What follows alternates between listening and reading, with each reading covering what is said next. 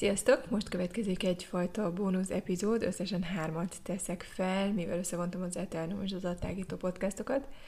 Um, az Attágító reguláris, tehát normális epizódjai ugyanúgy, mint eddig is, két hetente fognak megjelenni addig is. Jó szórakozást!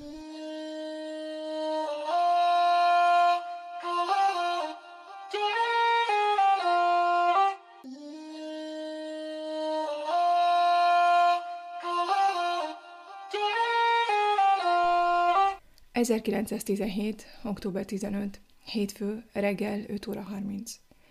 Katonai csizmák lépte. A 12-es számú zárka ajtaja kinyílik.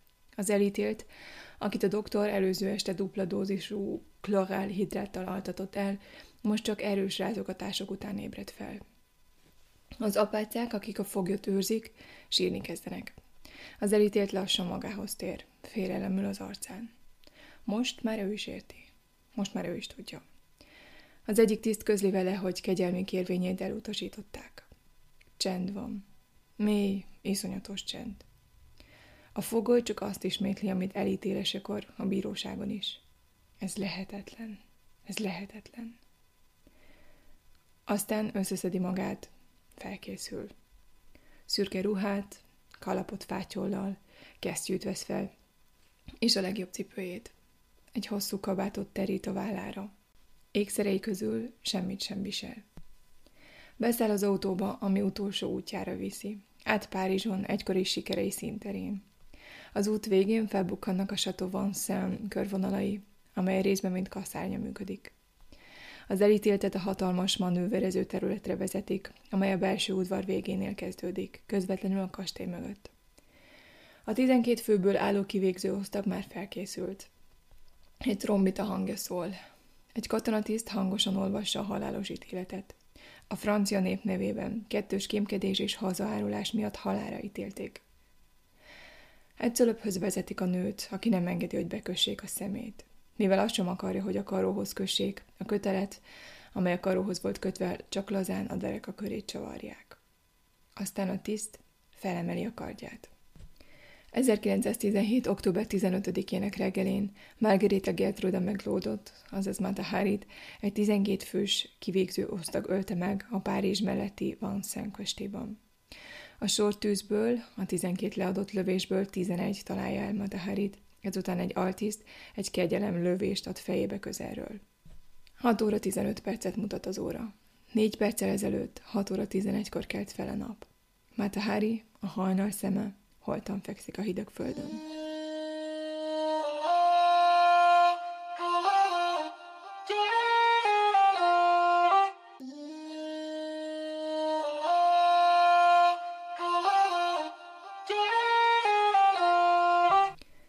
1999. január 21-én titkosítás alól feloldott és a brit nemzeti levéltárban nyilvánosan hozzáférhető korabeli brit MI5 hírszerzési akták azt mutatják, hogy nem árult el jelentős titkokat sem a németeknek, sem a franciáknak. Nem rendelkezett megfelelő kapcsolatokkal katonai vagy háborús területeken. A források jelenlegi állása alapján úgy tűnik, hogy Matahari táncos karriere végén szánalmasan naív, értelmetlen információs tevékenységgel próbálta elhárítani a közelgő sorsát. Nem is sejtve, tetteinek veszélyes voltát. Eddig több mint 250 könyv és egy tucat film készült élettörténetéről, de a források továbbra is gyakran kétségesek. Jó néhány szerzővel alaposan elszalad. Ezeknek a könyveknek és a filmeknek csak töredéke alapul megbízható forrásokon, vagy hajlamos szembenézni a tényleges történelmi eseményekkel. A Matahari életéről és hátteréről szóló beszámolók hogy számosak, mint amennyire ellentmondásosak. Életrajzának számos részlete ma is vitatott. Életének különböző változatai amelyekből végül legendák és mondák sűrű szövevénye alakult ki. Egyrészt annak köszönhetőleg, hogy Matahari maga számos történetet talált ki, amelyekkel életének tényeit a valóságnál jobban, vagy a valóságosnál jobban akarta bemutatni. Másfelől azonban életrajzíró is összekeverték életének tényleges adatait önkényesen kitalált történetekkel, ellentmondásos anekdotákkal is, a kémvádak egyoldalú beszámolóival, ami elég gyakran idézőbe hiteles forrásanyagként van megmutatva. Sok szerző találékonysága alig marad el Matahari fantáziájának gazdagságától. Matahariról az elmúlt száz év során könyvtárnyi irodalom gyűlt össze. Ha az egyes írásokat azonban kritikusan nézzük, akkor gyakran meglepődünk, mert a legellentmondásosabb, legvalószínűtlenebb és legvadabb történetek terjedtek el arról a nőről, aki viszonylag rövid ideig, de a világ creme de la creme szórakoztatta, állt a közfigyelem centrumában, és foglalkoztatta a hatóságokat és a sajtót egyaránt. Matahari kém tevékenységét és a német, brit és francia hírszerző szolgálatokkal való kapcsolatát illetően Sam Wagnert tartják a legmegbízhatóbb forrásnak az életrajzírói között. Az 1930-as években az MGM-nél dolgozott, és részt vett a Greta Garbo főszereplésével készült 1930-as Matahari című film kutatásában beszélt korabeli szemtanúkkal, és megszerezte Anna Lintje szobalánkét albumát, amelyben Matahari fényképeket és sajtócikkeket gyűjtött össze saját magáról, és jegyzetekkel is ellátta őket. Három évtizeddel később Wagner újra átnézte a régi anyagot, tovább kutatott, és megírta első életrajzát, amely 1963-ban jelent meg, egy másik, átdolgozott változat aztán 1976-ban jelent meg. Csak ajánlani tudom ezeket a könyveket. De lássuk a forrásokat. A legrégebbi forrás a Matahari apja, Adam Cella által kiadott emlékiratok, portrékkal, dokumentumokkal és mellékletekkel, amelynek igencsak kacifántos címe van. Matahari Mrs. McLeod Cella, a lányom élettörténete, és a volt férjével való bosszankodáson, portrékkal, dokumentumokkal, fakszimilékkel és mellékletekkel. Hm. Ezt 1907-ben adták ki először. Ez egy minden bizonyos szerető, de bombasztikus fantáziával megáldott apa egyoldalú áradozás a lánya mellett és a férje ellen, akire a boldogtalan házasságért minden felelősséget rá kell hárítani. A könyv egy szabadon kitalált ősi nemesi múltra vonatkozó hamisított dokumentumokat tartalmaz, amelyek um, bizonyítják idézőben a nyugodt fríz családnak a nemesi származását és rokonságukat Európa legtöbb uralkodóházával. A következő egy Gerrit Hendrik Priem holland író és költő 1907-ben megjelent műve, De Nacht Wahrheit, um, ami lefordítva a mesztelen igazság Matahariról, amely állítólag egy meglepő és teljesen őszinte interjú után született, amit a szerző Mataharival készített. Ma azonban a kutatók egyhangulag állítják, hogy ez abszolút kitalált interjú volt, Priem soha sem találkozott személyesen Mataharival. És még egy könyv a sok könyv közül, Közvetlen szemtanú, sőt a Matahari per egyik legfontosabb részvevője Jacques Ledoux, francia hírszerző tiszt, a hadügy minisztérium sajtó és táviratcenzúra osztálynak vezetője volt, aki később a Párizsi Hadügyminisztérium kémelhárítási osztályát vezette, amit egyébként ő maga alapított. A háború befejezése után az újságírásban jártas Ledoux több könyvet is írt a világháborús élményeiről és a Matahari ügyről is, amelyek azonban, hm, finoman fogalmazva, erős fikciós tartalom és egyfajta indoklás szükségletességei jellemez, hm, ezért ő sem tekinthető nyilván megbízható forrásnak. De nézzük, hogyan is kezdődött az egész. Korai évek, gyerekkor és ifjúság. Margarita Gertruda Celle 1876. augusztus 7-én született Leeuwardenben, a holland Friesland tartomány fővárosában. Adam Celle kalaposmester és felesége elsőszülöttjeként és egyetlen lányaként. Édesanyja állítólag jávai gyökerekkel rendelkezett. Három fiatalabb testvére volt, Johannes Hendrikus és az ékrek Arianne és Cornelius Konrad. Grit, ahogy gyerekkorában is hívták, amit azonban hevesen utált, és ragaszkodott teljes nevéhez, legfeljebb az M. Grit verziót engedélyezte. Először a Városházi téri iskolába, majd a Nattemplom utcaiba járt, igaz, rendszertelenül és rossz jegyekkel. Egy a Leeuwarden városi levéltárban található iskolai jelentésben a következő megjegyzés olvasható, valószínűleg el van kényeztetve. Akárhogy is, az iskolai évek alatt minden esetre angolul, franciául és németül tanult meg. Édesapja, Adam Zelle, aki egy jól menő kalapú üzlet tulajdonosa volt Lévelten belvárosában, maga is, mm, hogy fogalmazzak, um, színes személyiség volt. A városban hencegőként és pazarlóként ismerték, aki szerette, ha bárónak hívják, még akkor is, ha nem volt nemesi származású. Csak zárójelben mondom, Mata Harry 1908-ban kérelmet nyújtott be Wilhelmina holland királynő kabinetjéhez, hogy Celle McLeod vezetéknevét Van Celle van Aldenre változtassa. Amikor a kérést elutasították, módosította, én már személyesen a királynőnek címzett kérését és a Van Sloten Celle vezetéknevet kívánta viselni, de ezt a kérelmét is elutasították. A szóban forgó levelezés csak néhány évvel ezelőtt fedezték fel újra, és 2007 óta a Fries Múzeumban található. Egy sikeres tőzsde spekuláció lehetővé tette Margarita apjának, hogy nagy lábon éljen. 1883-ban megvásárolt egy régi patricius házat, amely akkoriban a legnagyobb ház volt a centrumban. Margarita hatodik születésnapjára egy kecskék által húzott hintót kapott tőle. Léveltemben még 50 évvel később is beszéltek a sötét bőrű, fekete hajú kislányról, mandulavágású szemekkel azon a kiskocsin. Többük szerint már ekkor úgy nézett ki, mint egy keleti hercegnő. A család pénzügyi gondtalanság azonban nem tartott sokáig. 1889 elején újabb, ezúttal veszteséges spekulációk miatt apjának csődöt kellett jelentenie. A tágas és fényűző városi palotát egy szerény, első emeleti lakásra kellett cserélniük. Ez nem csak pénzt és presztízs veszteséget jelentett, de a házasságok is véget ért. 1890. szeptemberében a házaspár megegyezett, hogy idézőjelben elválnak áttól és asztaltól. 1891. márciusában az apa Amsterdamba költözött, ahol utazó ügynökként vállalt munkát. Hivatalos vállásra azonban már nem került sor, mivel Antje Celle 1891. május 9-én tuberkulózisban meghalt. Míg az apa az ékreket, Árit és Corneliszt anyjuk halála után magához vette, és Amsterdamba vitte, ahol gyorsan újra nősült, addig Margarita és Johannes különböző családtagokhoz kerültek. Az anyai nagyanyja gondoskodott a gyerekekről, és fizetette a tanításukat is. Margarita Visser úrhoz, keresztapjához költözött Snake-be, aki aztán Leidenbe küldte, hogy óvónőnek képezzék ki. Erre a szakmára azonban teljesen alkalmatlannak tartotta magát, ahogyan barátai és ismerősei egyhangulag egyetértettek vele. A rövid idő után adhatja a képzést.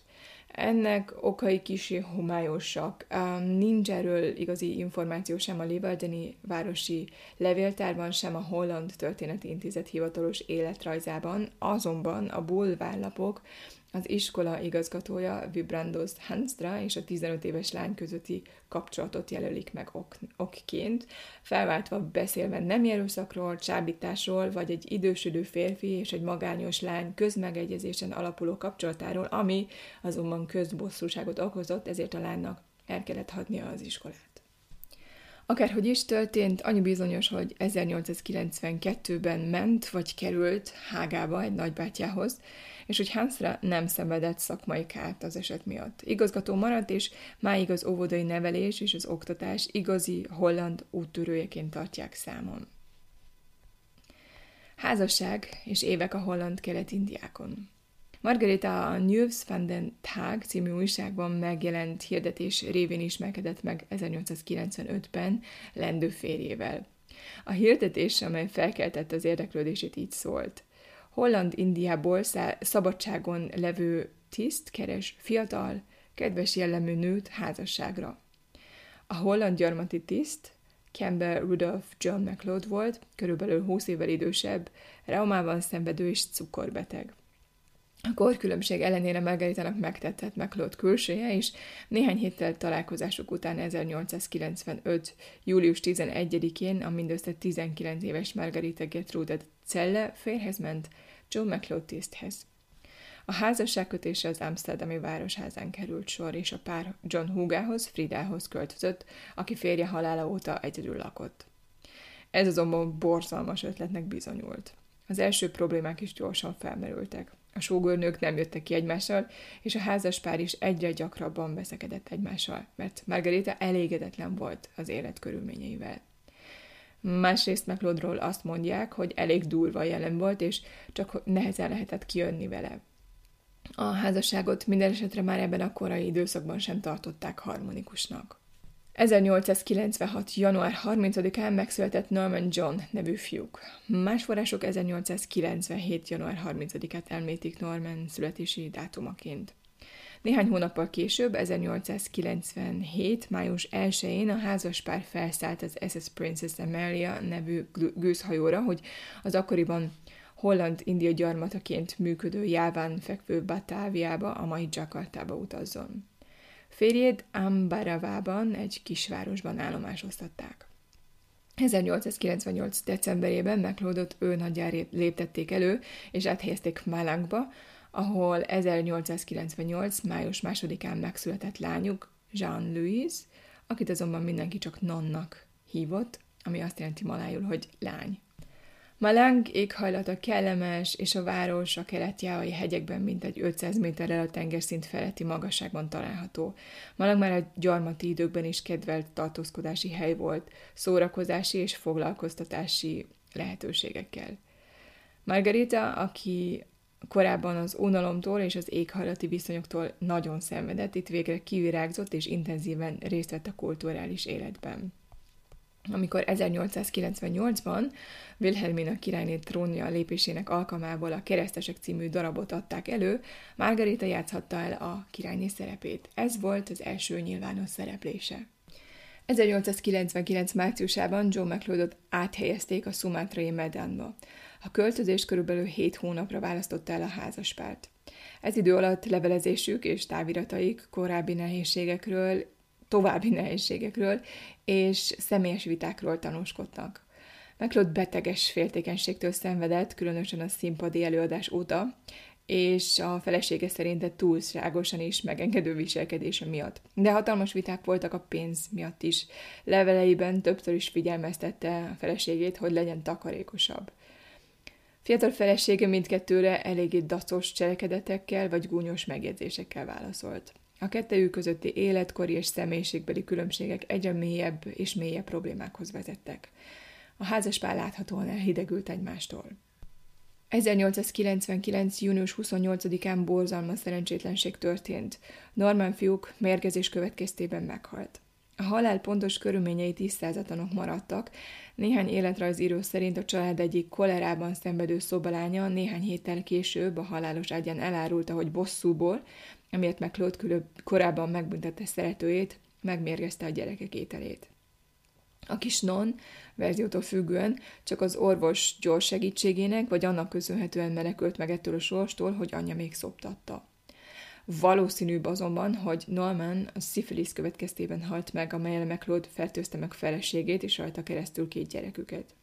Norman vagy közvetlenül a betegségbe halt bele, vagy a kezelésbe, mivel hogy a katonaorvos túl nagy dózisú higanyjal kezelte őt, ami zárójelben akkor idézőben normális kezelési mód volt, amelyel a szifiliszt próbálták gyógyítani. Szóba került az is, hogy maga McLeod mérgezte meg a gyerekeket, ami azonban teljesen abszurd feltételezés, mert McLeod ugyan csapnivaló impulszkontrollal rendelkezett, és tökéletesen alkalmatlan fér volt, gyerekeit azonban rajongásig szerette. 1900. szeptemberében McLeod ő nagy 28 év szolgálat után nyugdíjba vonult, és októberben a család Szindangájába költözött. Margarita nagyon szeretett volna végre visszatérni Európába, de John vonakodott, mert tudta, hogy a nyugdíja nem lesz elég Európában. A problémák a kapcsolatban egyre fokozódtak, a házasság teljesen tönkrement. Aztán 1902. márciusában a pár végül is visszatért Hollandiába, és anyagi okokból ismét John Hugánál, Fridánál kellett lakniuk Amsterdamban, ahol azonban külön szobában laktak. Többször is kibékültek, ami néhány hét múlva ismét veszekedésbe és különvállásba torkollott. Aztán 1902. augusztus 30-án az Amsterdami kerületi bíróság kimondta az asztaltól és ágytól való elvállást.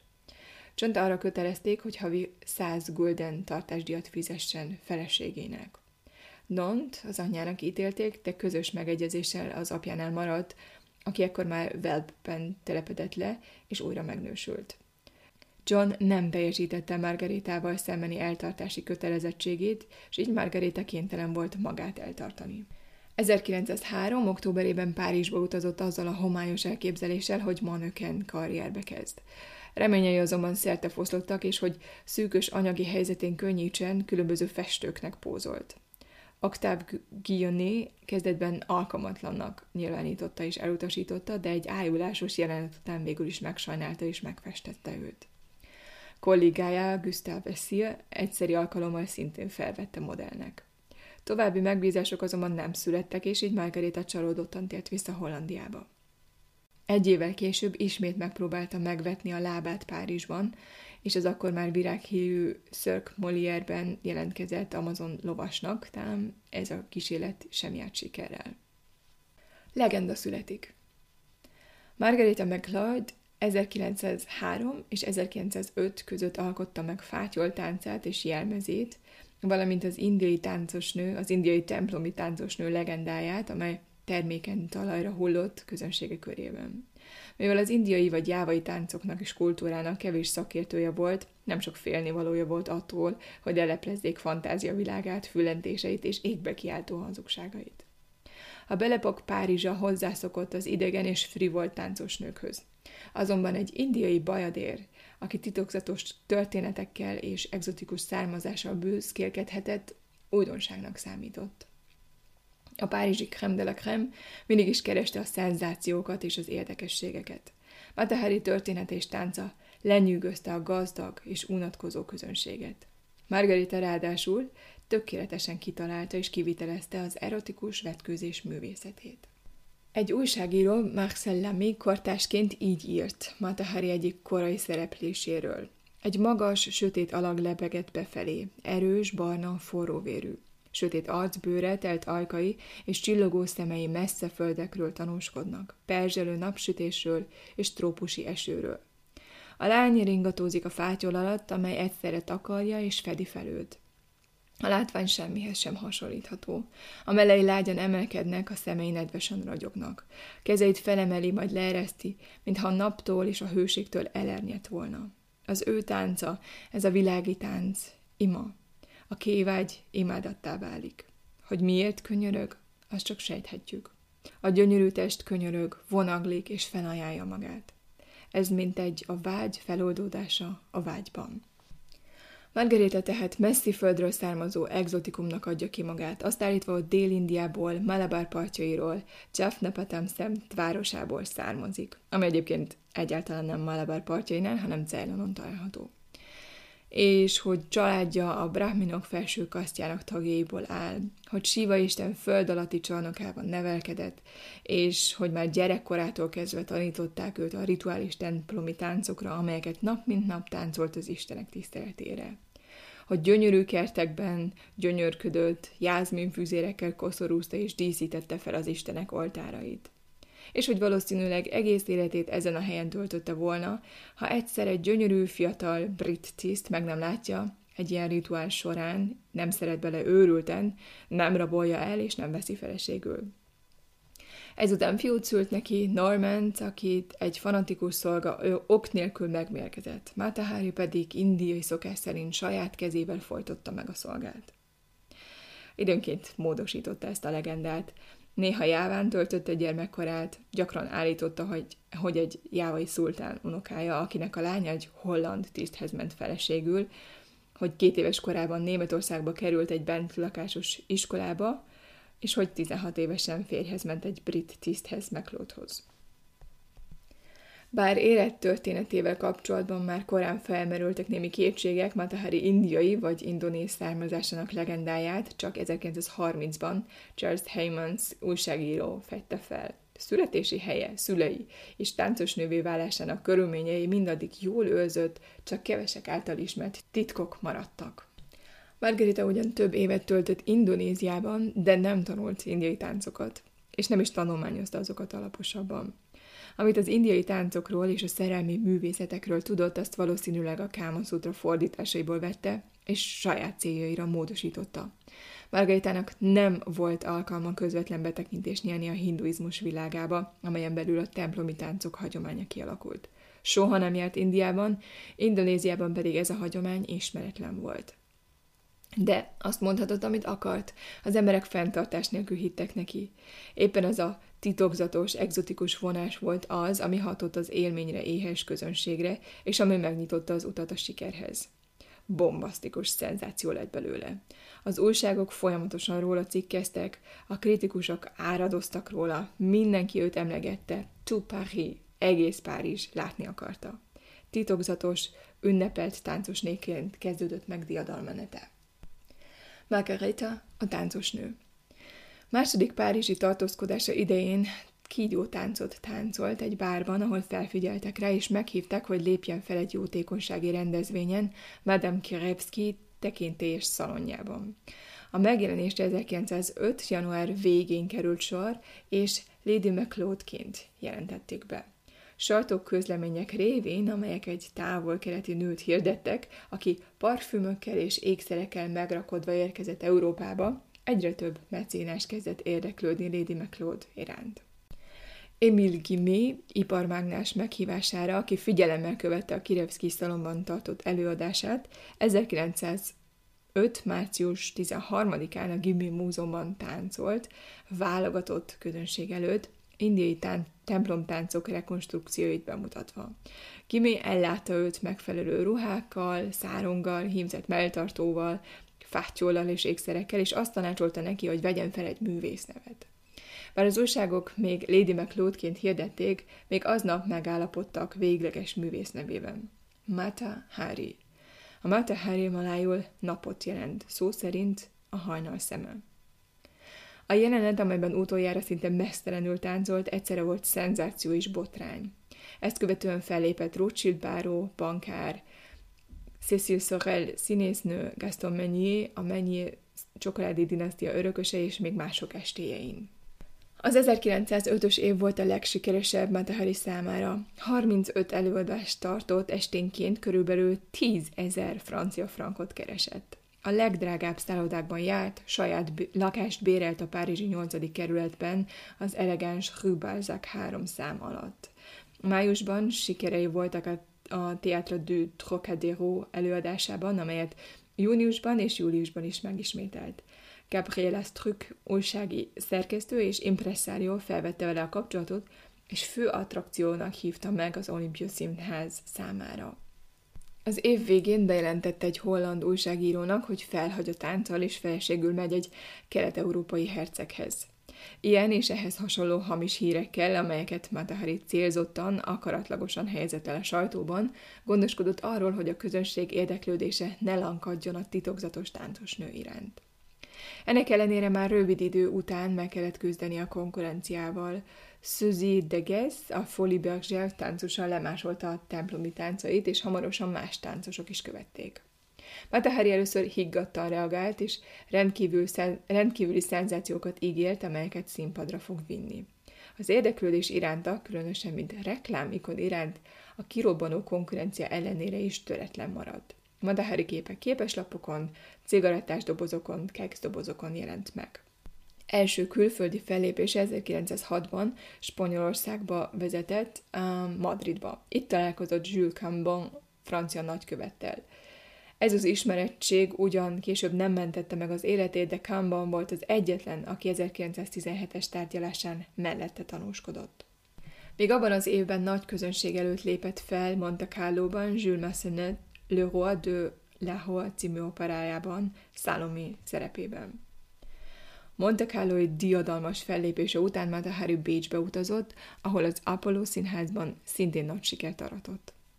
Ezután 1907-ben érkezett Berlinbe, a Varieté Wintergartenben tartott előadásokra, és itt is szenzációvá vált. Ezután állítólag néhány hónapig Berlinben élt egy kastély tulajdonos férfinál, akit Alfred Kiepertnek hívtak, aki egy gazdag hadnagy volt. Közben felröppentek az első plegykák valódi kilétéről, és Matahari a sajtóban módosította élettörténetét. Ami ezúttal így szólt. Apám hivatalos tiszt volt, jáván nevelt, majd egy arisztokrata bentlakásos iskolába küldött Wiesbadenbe. Akárhogy is, belépben felépett második Vilmos, német császár és családja előtt is. Egy plegyka szerint a táncos nőnek viszonya volt a császár fiával. Ezt Matahari sohasem tagadta nyilvánosan, amit később a bíróság Matahari bűnösségét bizonyítandóként értelmezett. 1907-ben visszatért Párizsba. Ugyanebben az évben jelent meg Matahari apja, Damcelle már említett könyve. 1907 telén Egyiptomba utazott, valószínűleg Kipertel együtt, és eltűnt az európai rajongói elől. Az a hír járta, hogy a Nílusnál tartózkodik, hogy az ősi misztériumokat tanulmányozza. 1907. március 30-án Matahari aztán Rómában tartózkodott, és táviratozott menedzserének, hogy megtudja, érkezette közben új megbízás számára. Írt Richard Straussnak is, hogy felajánlja magát az új produkciójában Salomé szerepére. Csak én táncolhatom Salomét, írta. Keserű dolog volt, hogy Strauss még csak választra sem méltatta lebelét. És mivel nem kapott választ, visszatért Párizsba. Matahari azonban itt tapasztalta, hogy művészként szinte teljesen elfelejtették. Párizsban szinte hemzsegtek a táncai másolatai. Erre válaszul Matahari bejelentette, hogy visszavonul a színpadtól és panaszkodott a versenytársaira. Azóta néhány hölgy felvette a keleti táncos nő címét. Talán hízelgő lenne számomra a figyelem ilyen bizt- bizonyítéka, ha ezeknek a hölgyeknek az előadásai tudományos és esztétikai értékekkel rendelkeznének, de nem ez a helyzet, közölte. Még mindig a Párizsi Társaság megbecsült tagja volt, és az újságok rendszeresen beszámoltak róla, és még gyakrabban táncolt jótékonysági rendezvényeken. 1910-ben Rimsky-Korsakov Antár című művében Kleopátra szerepét vállalta el Monte Carlo-ban. Antoine, a realista színház feltalálója és a darab rendezője, nagyon elégedetlen volt a táncosnő teljesítményével. Az újságírók hamarosan tudomást szereztek a rendező és a táncos nő közötti heves vitákról. Matahari jogi lépéseket tett rágalmazásért, és kártérítést követelt. Antoine erre viszont perelte Mataharit. A per egészen 1911. decemberéig húzódott. Matahari győzött. Becsületét helyreállították, de az azt követő időszakban további megbízások elmaradtak. 1910 nyarától 11 végéig a nyilvánosság számára észrevétlenül élt egy kastélyban, Xavier Rousseau bankár szeretőjeként. Mindössze Anya Lintessel élt ott. És ekkor fokozott kapcsolatba lépett Astrükkal, aki valóban számos új megbízást tudott neki szerezni, köztük azt az előadást, amely később karriere csúcspontjának tekinthető. 1911 december 7-én a Milánoi Szkálában az Armid című opera 5. felvonásában táncolt, 1912. januárjában pedig Bacchus és Gambrinus című balettben Vénuszt testesítette meg.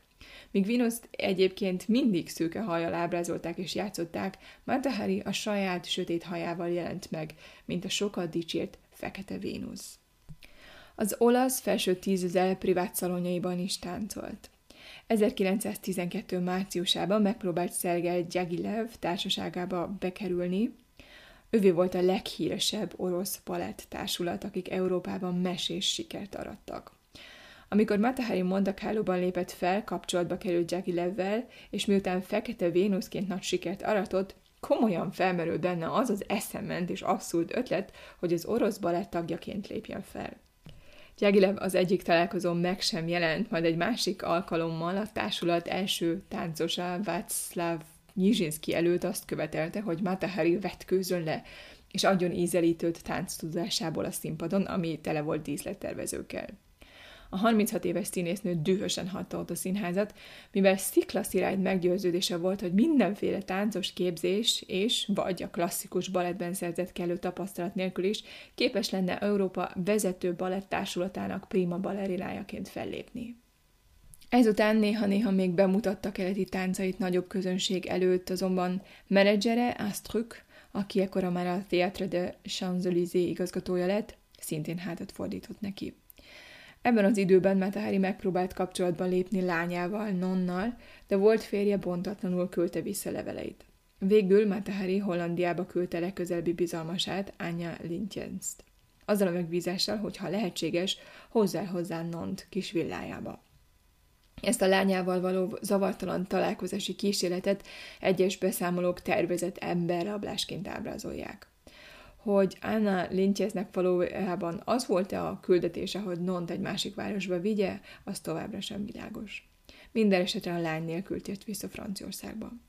Non további életéről csak annyit tudunk, hogy 1919 őszén, két évvel édesanyja halála után Indonéziába akart költözni, hogy ott tanárként dolgozzon. Azonban alig néhány héttel útjának megkezdése előtt mindössze 21 évesen agyvérzésben meghalt. Mata Hari 1913-ban Berlinbe utazott, és egy városnézés során találkozott a német trónörökössel. Amikor Matahari azt kérte, hogy táncolhasson a német trónörökös előtt, kérését nem teljesítették. Így hát úgy távozott Berlinből, hogy semmit sem ért el. 913-ban azonban újra kitalálta magát. Június 28-án spanyol táncos nőként lépett fel a Folie Bergerben. A Gaumont moziban mutatta be utoljára a Siva istennek szóló táncát. Táncos női karrierjének fénykora már elmúlt. A Musée Galierában 1914. januárjában tartott három előadás után a Vogue újságírójának azt mondta, hogy szenzációs visszatérésre készül. Aztán visszautazott Berlinbe, és február végén táviratozott Emil Gümének, hogy megkérdezze, megismételheti-e sikerét az egyiptomi táncokkal. 1914. március 9-e válasza sokat mondó volt. Kedvesem, egyiptomi balettet csinálni kitűnő ötlet feltéve, hogy ez valóban egyiptomi. 1914. májusában Mataharinak sikerült felvenni a kapcsolatot a berlini Metropol Theaterrel, ahol ugyanezen év szeptemberétől hat hónapon át szerepelt volna egy operában. Ez azonban már sosem jött létre, mert 1914. július 28-án kitört az első világháború. Ezt követően 1914. augusztus elején elhagyta Németországot, mert túlságosan is veszélyes volt egy külföldiként érvényes tartózkodási papírok nélkül maradni. Nem kétséges, hogy hitelezőktől és a kifizetetlen számláktól is menekült, de nem a kémektől. Először Svájcon keresztül próbált visszatérni Párizsba, de nem járt sikerrel. A svájci határon visszaküldték Berlinbe. Ott sikerült jegyet szerezni egy Amsterdamba tartó vonatra, ahol megérkezése után bejelentkezett a Victoria Hotelbe, és ahol hamarosan rövid viszont kezdett Will van der Schaak bankárral, akinek orosz emigránsnak adta ki magát. A férfi véget vetett a kapcsolatnak, amikor kiderült valódi személyazonossága. A felkérések most már szinte teljesen kimaradtak. Az 1914-es háborús évben csak egyszer szerepelt a királyi színházban, Hágában. A fővárosokban a háborúban elesett katonák tömeges halála volt a téma, és a soknak ebben a fázisában alig ha érdekelt bárkit is egy, egy indiai mesztelen táncos nő. Mátaharinak pénzre volt szüksége. Nem tudta fenntartani pazarló és fényűző életmódját a csekély kis keresetéből. 1914. októberében kibérelt egy kis hágai házat. Valószínűleg akut anyagi szükség helyzetéből 1915 végén úgy döntött, hogy Anglián keresztül visszatér Párizsba, hogy felszámolja, felszámolja luxus villáját. Ekkora már fizetésképtelen volt. Később azzal vádolták, hogy azért utazott ide, hogy pontos információkat szerezzen az új offenzia francia előkészületeiről. Mindenesetre 1916 márciusában már újra Hágában volt, és maga, magával hozta háztartási ingóságait. Ekkoriban Matahari állítólag megismerkedett a 21 éves orosz tiszt Vladimir Vadim Maslovval. Kapcsolatuk természetéről sok vita folyt a háború utáni időszakban. Például, hogy Matahari 18 év korkülönbség ellenére is őrülten beleszeretett az oroszba. Miután Maslovot visszarendelték a frontra, állítólag a harcokban elvesztette az egyik szemét. E háborúsebb kezelésének költségeit később Matahari néhány életrajzírója a kémtevékenység elsődleges lehetséges indokaként említette.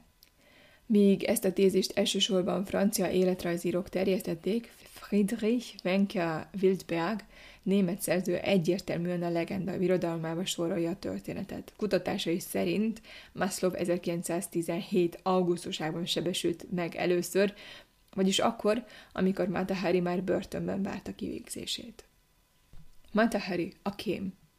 Pályafutása során Matahari egyre több politikai személlyel került kapcsolatba, sőt, magasrangú és vagy dúsgazdag személyekkel. Ezek a kapcsolatok és információk, amelyekkel Matahari szándékosan, vagy tudtán kívül kacérkodott, azt a benyomást kelthették, hogy sokat tud, vagy hogy képes többet megtudni, amik aztán végül is a vesztét okozták. Miután sokáig tagadott minden ügynöki tevékenységet, végül a letartóztatását követő egyik kihallgatáson elismerte, hogy az amsterdami német konzul Karl Kramer 1916 májusában 20 ezer frankot ajánlott neki, ha információkat szolgáltat Németországnak. Elfogadta a pénzt, de soha nem adott semmit cserébe. A kémkedés vágyát később Friedrich Kemp nyugdíjazott német vezérőrnagy cáfolta. Kemp, aki 1921 és 27 között a Reichswehr minisztériumban a katonai Abwehr vezetője volt, állítólag semmit sem tudott arról, hogy Matahari kém volt. Ami egyébként ellentétben áll az úgynevezett Gemp jelentéssel, ami ez 1970-es években került nyilvánosságba és ami a Freiburgi katonai levéltárban gépirat és mikrofilm formájában ma is megtekinthető. Ezek az iratok a 3-as B osztály egykori tisztjeitől származó információkat is tartalmaznak, a H21-es ügynökről, azaz Matahariról. A papírok bizonyítják, hogy Matahari 1915 késő őszén lépett a német hírszerzés szolgálatába. A 3B feje, Walter Nikolaj 1916 májusában Kölnbe hívta Mataharit, ahol a vele folytatott beszélgetés után úgy döntött, hogy ügynöki képzi ki, és Röppel őnagyot jelölt ki parancsnokának. Ez utóbbi, idézőbe, a város szélén tett hosszú sétákon tanította meg neki a kémkedés csinyát, binyát, és egy titkos írás szakértő a kémiai írást gyakorolta vele. Hm. Ez a kiképzés hét napig tartott.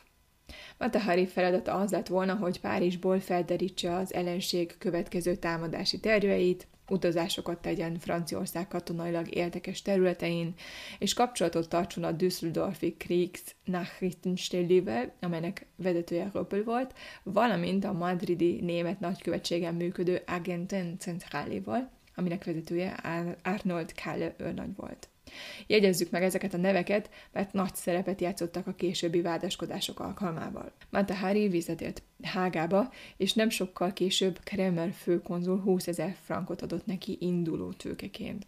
1915. decemberében a H21-es ügynök francia országba lépett azzal az ürügyel, hogy összegyűjtse a háború kitörésekor Párizsban hátrahagyott bútorait, és a párizsi Grand Hotelben foglalt szállást. Az ottani kapcsolatai révén Mataharinak nem volt nehéz megtudnia, hogy mit terveznek a szövetségesek a német fronton.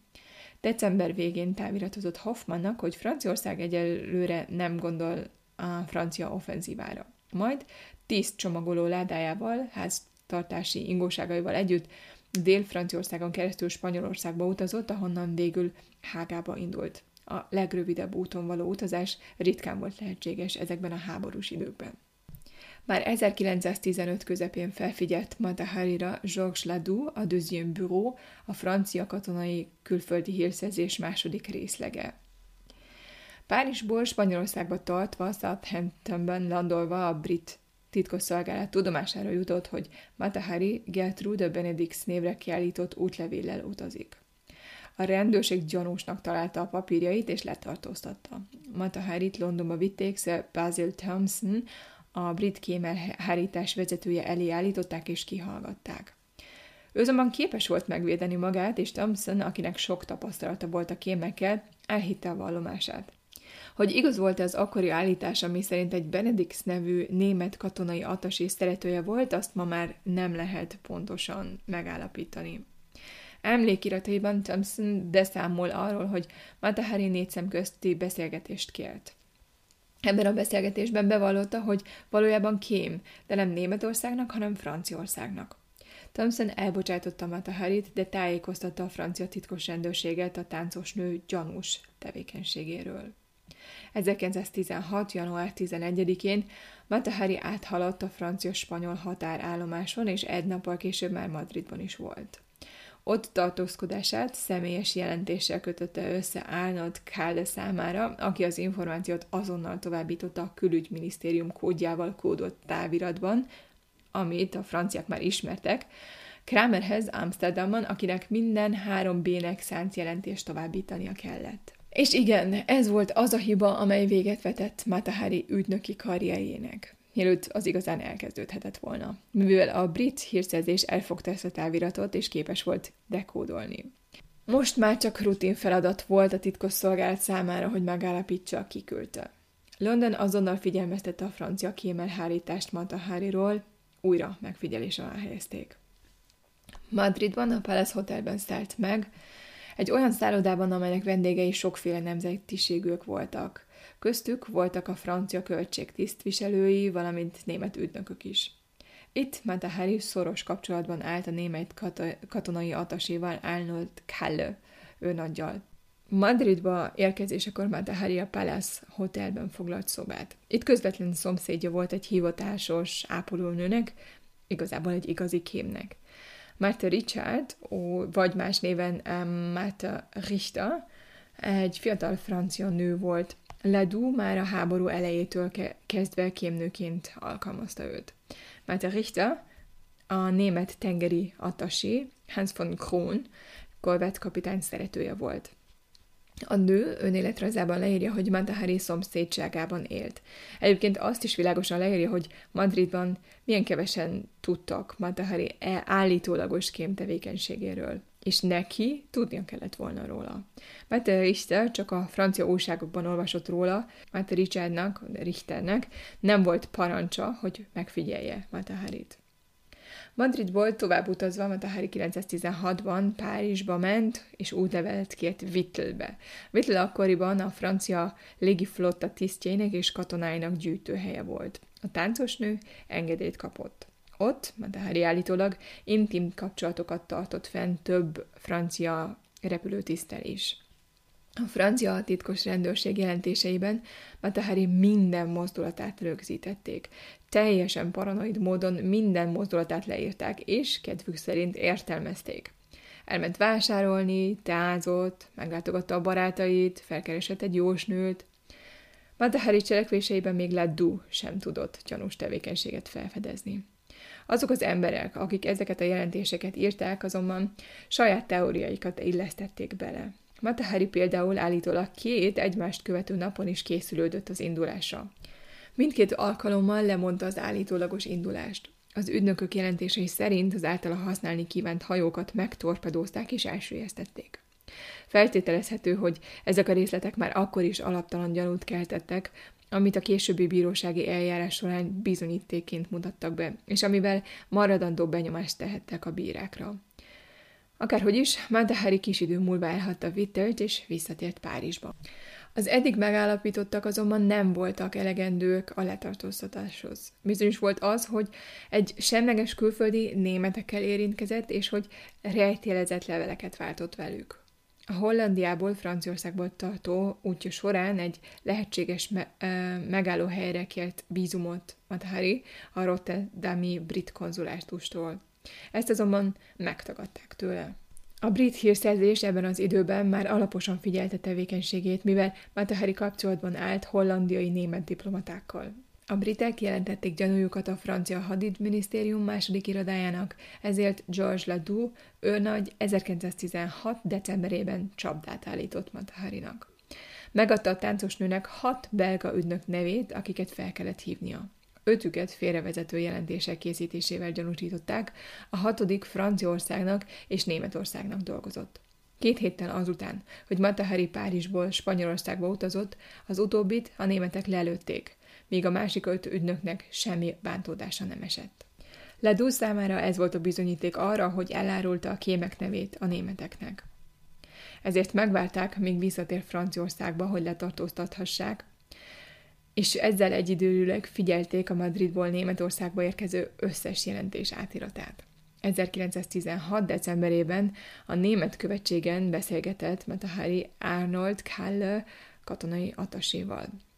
Ez utóbbi Matahari madridi távozása után rejt jelezett táviratot küldött a nagyvezérkar berlini 3 b osztályának. Tíz nappal az incidens után a madridi német nagykövetségről érkezett jelentést elfogták. Az üzenet így szólt.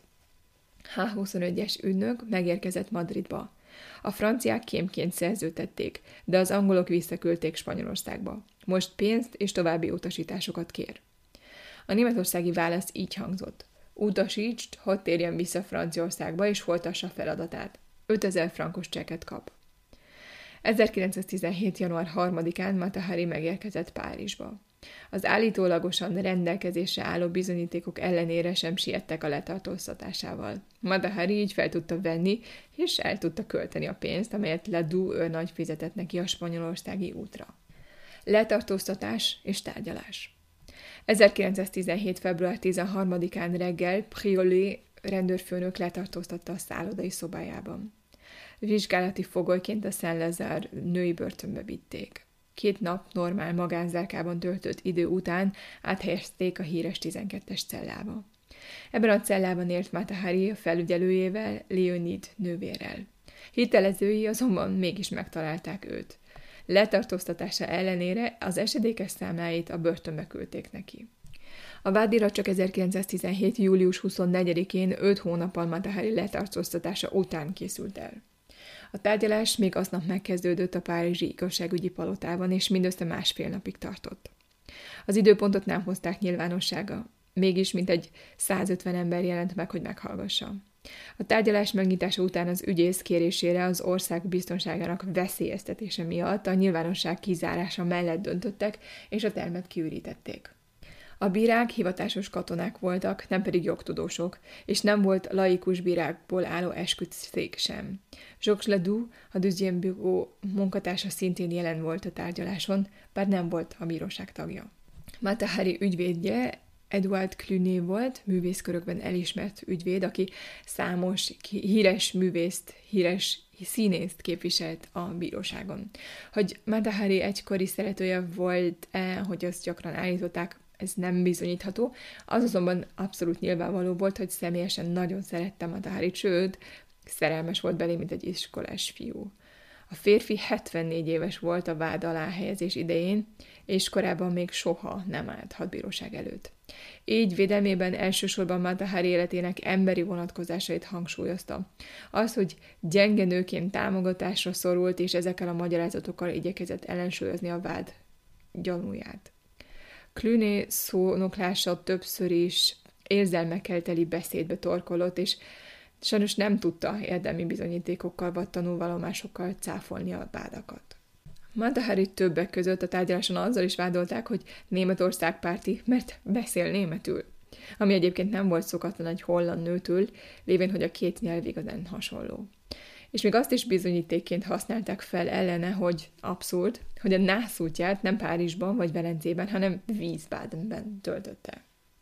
Ehhez hozzájött még az is, hogy diplomaták és tisztek előtt táncolt, meghívta őket Párizsi villájába, hogy szívesen fogadott el pénzajándékokat, és hogy jó kapcsolatokat ápolt a sajtóval. Mivel egész életében ügyetlenül kezelte pénzügyeit, folyton anyagi támogatásra szorult, ezért szívesen fogadott el ajándékokat, függetlenül a pártfogói nemzetiségétől. Művészként is jó kapcsolatokat kellett ápolni a sajtóval, hogy minél pozitívabb tudósításokat kapjon. Matahari több albumot is birtokolt, amelyben a róla megjelent újságcikkek szerepeltek, és személyes meghívókártyákat és névjegykártyákat is őrzött. Hogy Mataharinek volt-e egyáltalán lehetősége arra, hogy döntő információkat adjon át a német Abwehrnek, az azt, azt akkoriban nem lehetett tisztázni, és ez igazából a mai napig is kétséges. A tárgyalás tehát nem tudott valódi bizonyítékokat szolgáltatni a kém tevékenységére, ami azonban eléggé vitathatatlan. Bella Du őnak tudta, hogy Máté Richard megmenthette volna a vádlottat, nem hallgatták ki, és tanúként sem hívták meg őt. A per során Matahari tengernyi egykori pártfogója, tisztelője és hódolója közül csak egy merészelt a bíróságon karaktertanúként vallomást tenni. Vallomásában azonban ő is csak azt erősítette meg, hogy kapcsolata Mataharival pusztán magán jellegű volt megjelenése ennek megfelelően kevéssé hatott a bírákra. Az akkoriban uralkodó erkölcsi normák szerint erkölcstelennek számított egy elvált nő, aki messzelenül táncolt a közönség előtt. Az ítélethirdetést megelőzte Bukságdon beszéde, aki Mataharit nagyon kétes személyiségnek ábrázolta. Idézem. akinek nyelvtudása, számtalan kapcsolata, jelentős intelligenciája és vele született vagy szerzett erkölcstelensége csak hozzájárul ahhoz, hogy gyanúsá váljon. Gátlástanul és megszokva, hogy kihasználja a férfiakat, ő az a nőtípus, akit, kémkedés, akit kémkedésre predestináltak. Foglalta össze mondani valóját Pierre Bouchardon százados, a hadbíróság vizsgáló bírója. A katonai bíróság Mataharit bűnösnek találta Németországnak való kémkedésben, és így hazaárulásban. Ezért július 25-én halára ítélték.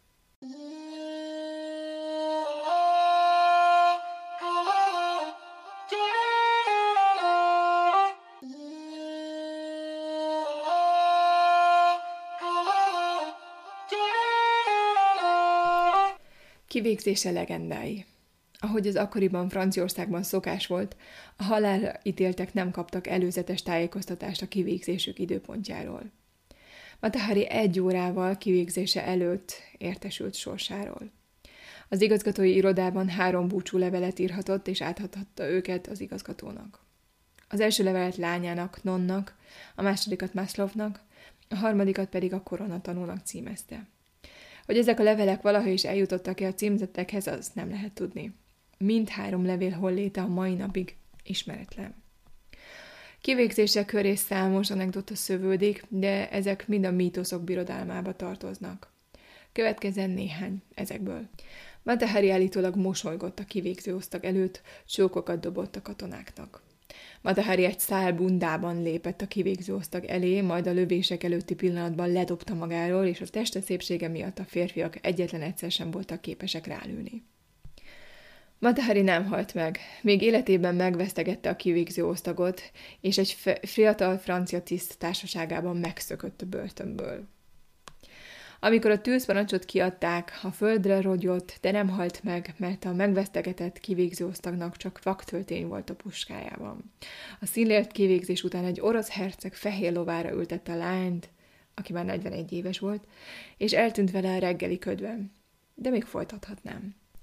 Matahari utóélete. És még mindig nem ért véget Matahari története. Iszonyatosan szomorúnak találom, hogy halála után senki nem tartott igényt Matahari testére, és senki nem volt hajlandó fizetni a temetésért. Így a testét a szorban orvosi karának bocsátották rendelkezésére. Fejét állítólag preparálták és kiállították a Párizsi Orfila Anatómiai Múzeumban, ahonnan azonban az 1950-es években rejtélyes körülmények között eltűnt. Amikor 2000-ben a múzeumot a bezárás fenyegette a Le Figaro, közölt egy listát a múzeumban valaha kiállított koponyáról, amelyen Matahari neve is szerepelt. Az igazság megállapítására és a rehabilitációra tett kísérletek. Míg Sam Wagner az 1960-as években el nem kezdte kutatni Matahari életrajzát, senki sem tett komoly kísérletet valós tények feltárására. Bizonyítottnak vélték, hogy Matahari rendkívül veszélyes kém volt a németek szolgálatában, akit a franciák joggal végeztek ki. Wagner azonban kiderítette, hogy bár kétségtelenül kémkedett, vagy legalábbis megpróbált kémkedni, ez inkább veszélyes gyerekjáték volt, egyfajta botladozás a kémkedés területén. Soha nem tudott semmi érdemlegeset felfedezni, és egyáltalán nem szolgáltatott a németeknek semmilyen érdemleges vagy fontos információt. Leon Schillman, francia történész és az ellenállás tagja, szintén éveken át ta- tanulmányozta Matahari körülményeit, és két könyvet is írt róla. 1994-ben a Matahari ügy, egy összeesküvés nyomozása, és 2001-ben Matahari egy összeesküvés vonzalása címmel. Schillman meg van győződve arról, hogy őt német ellenes kampányra használták fel. Matahari szerinte csupán élvezni akarta az életet, és nem vette észre időben, hogy az első világháború kitörésével már semmi nem volt ugyanaz. Leleplezése a madridi német katonai atasé manipulációjának köszönhetően történt. A francia kiemelhárításban már régóta tudták, hogy a táncos nő nem képes fontos nyomokat szolgáltatni.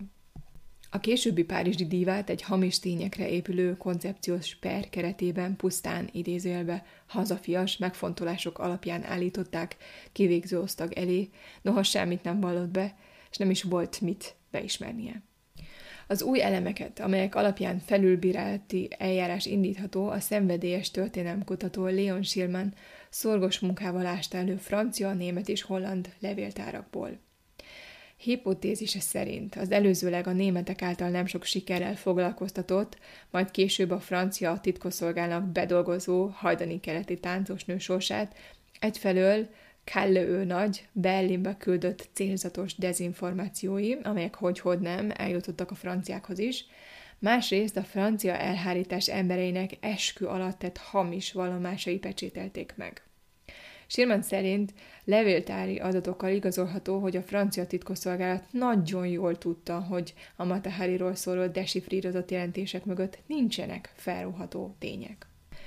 Simon azt állítja, hogy a párizsi lokálok egykori csillaga gyakorlatilag nem mérte fel, mire vállalkozott. Nem volt több, mint egy könnyű, életre vágyó szépasszony, aki nem vette észre, hogy a háború mindent megváltoztatott. Valójában semmi sem tette őt alkalmassá a kémnő szerepére. Francia megbízóinak azonban jó szolgáltot tett a háború egy nehéz szakaszában. A másfél nap alatt lezavart per keltette új német ellenes kampány. A korabeli dokumentumok összehasonlításával a Lévalteni Matahari munkacsoport tagjai arra a következtetésre jutottak, hogy a táncosnő nem volt más, mint egy bábú a különböző hírszerző csoportok kezében, és halára volt ítélve, mivel magasrangú politikusokról tudott kompromittáló adatokat. Matahari hibázott, amikor pénzt el a németektől.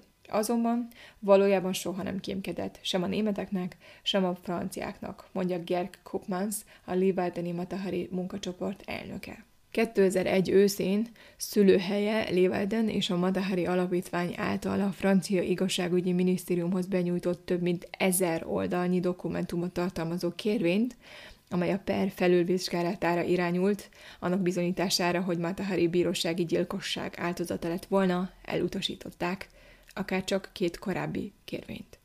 A történtekről és a bizonyítékokról így vagy úgy a francia bírósági jegyzőkönyvekből remélhetőleg hamarosan valódi áttekintést kapunk. Ezeket 2017-ben, száz évvel a francia hadügyminisztérium döntése után oldották fel a titkosítás alól. Matahari, a mítosz. Röviddel halála után Matahari mítosszá vált. A kurtizán vagy a femme fatale megtestesítőjének tekintették. Mások az indiai templomi bajadért és a szemérmetlen mesztelen táncos nőt látják benne. Az a tény, hogy táncai végén szinte mesztelenül jelent meg a közönség előtt, nem csak a sikerét segítette elő, hanem az erkölcstelenségéről szóló találgatásokat is. Sok spekuláció keringett a prominens férfiakkal való viszonyairól. Utólag visszatekintve azonban Mateharit nem lehet mesterkémnek, aljas kurtizának, de még csak bajadérnek sem nevezni. Ezek a címkék nem sokkal a tárgyalása után jelentek meg, és a későbbi publikációk révén váltak szélesebb körben elterjedté. A maga idejében Matahari kétségtelenül híres volt, mint egzotikus vagy indiai táncos nő. Világhírnevét annak köszönhette, hogy személyében az exotikumot, az erotikát és a kémkedést ötvözte. Ahogyan ő maga is folyamatosan újra és újra feltalálta magát élete során, úgy életrajzírója is gyakran átlépték a tény és a fikció közötti határt. Talán az egyik legabszurdabb történet álljon itt még Kurt Zingertől, a könyve címe Kémek, amik, Kémek, akik megváltoztatták a történelmet. Kurt Zinger azt találta ki, hogy Matahari lányát, Nont, az 1950-es koreai háborúban visszavonuló észak-koreaiak tuszként ejtették. Azzal vádolták, hogy az Egyesült Államok szolgálatában álló ENSZ csapatoknak kémkedett, és halára ítélték. Nemrégiben Paulo Coelho író egy regényben Matahari maga meséli el történetét egy fiktív levélben, amelyet ügyvédjének, Klünének írt, aki aztán válaszol. A benne található utalásokkal ez a regény talán alkalmasabb a mítosszal való szembenézésre, mint egy száz évvel Matahari kivégzése után. Az 1990-es évek óta a Leeuwardeni Fries Múzeumban létezik egy Matahari gyűjtemény állandó kiállításként. Továbbá a Matahari Alapítvány, amelynek célja a Matahari rehabilitációja. 1976-ban Leeuwardenben, nem messze a szülőházától, egy életnagyságú szobrot állítottak neki. Hogy én mit gondolok róla? Talán szerepet játszott. Jól, rosszul. Ahogy az egzotikus, izgalmas táncos nő szerepét, aki a Brahmanok csoportjához tartozik. Ahogy a nemesi családból származó Lady szerepét, végül a kémnő szerepét játszotta. és talán annyira beleérte magát a szerepeibe, hogy azok életre keltek, ha szabad így fogalmaznom. Én most természetesen csak spekulálok. Kétoldali krónikus könyvmoitiszben szenvedek gyerekkorom óta. Emlékszem, talán tíz éves lehettem, amikor először olvastam Matahariról. Azóta kezembe került néhány könyv, ellentmondásosak és néhány hajmeresztő teóriákkal tömve. Szerettem volna megismerni Matahari jellemét, szerettem volna tettei mögé látni, de végül is ennek valahogy mindig szubjektív színezete lenne. Akárhogy is, egy nő volt, aki tudta, milyen hatással van a férfiakra, aki szerette az életet, a pénzt, a csillogást, az élvezeteket, aki borzalmas impulszkontrollal rendelkezett, és egyáltalán nem tudott bánni a pénzzel, aki talán hisztrionikus személyiségzavarral küzdött. A hisztrionikus személyiségű személyeknél mindig a dramatizáció, az újdonság és az élménykeresés áll a központban, jellemző én központúsággal tipikus, hogy ezek az emberek nagyon vonzó és társaságkedvelő és extravagáns emberek, akik közé, akik köré szívesen gyűlnek mások. Ezek általában élénk, kacérkodó, extrém színes emberek, és akik felnagyított formában fejezik ki az érzelmeiket. A vonzalmat szenvedélyként, a dühöt őrjöngésként, a szomorúságot szívszakasztó kétségbeesésként, a csalódást pedig gyakran tragédiaként adják elő szintén eléggé tipikus, hogy érzelmi életük felszínes és labilis, és hogy környezetük, és hogy mások által eléggé könnyen befolyásolhatók.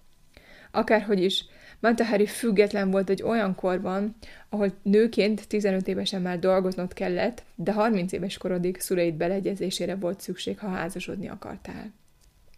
Matahari olyan életet élt, amilyet szeretett volna.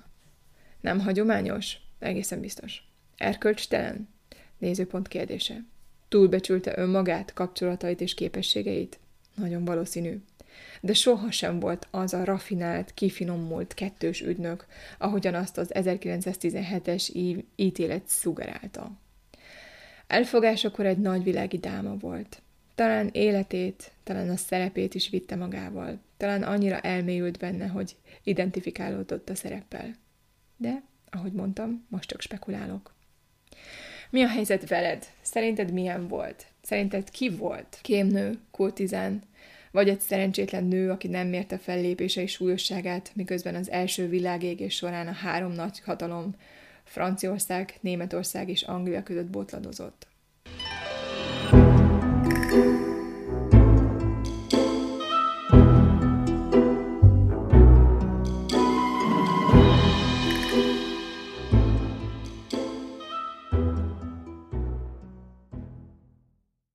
Ha más podcastekre is kíváncsi vagy, hallgassd meg a Béton műsor ajánlóját. El tudod képzelni, hogy a podcastet, amit éppen most hallgattál, fél év múlva már a mesterséges intelligencia generálja? Mi sem. De ha érdekel, eljötte már a gépek lázadása. Hallgass bele az Embertelen podcastbe. Orsós Lajos vagyok, a műsor házigazdája. Egyelőre még élőben. Egyelőre. Fedezzük fel együtt, hogyan ismerkedik, randizik, mesél és vitatkozik Betty és Péter, két teljesen mesterséges intelligencia. Lajos, a podcast címét mond még egyszer, Léci. Oké. Okay. Embertelen podcast. Ez a műsor a Béton közösség tagja.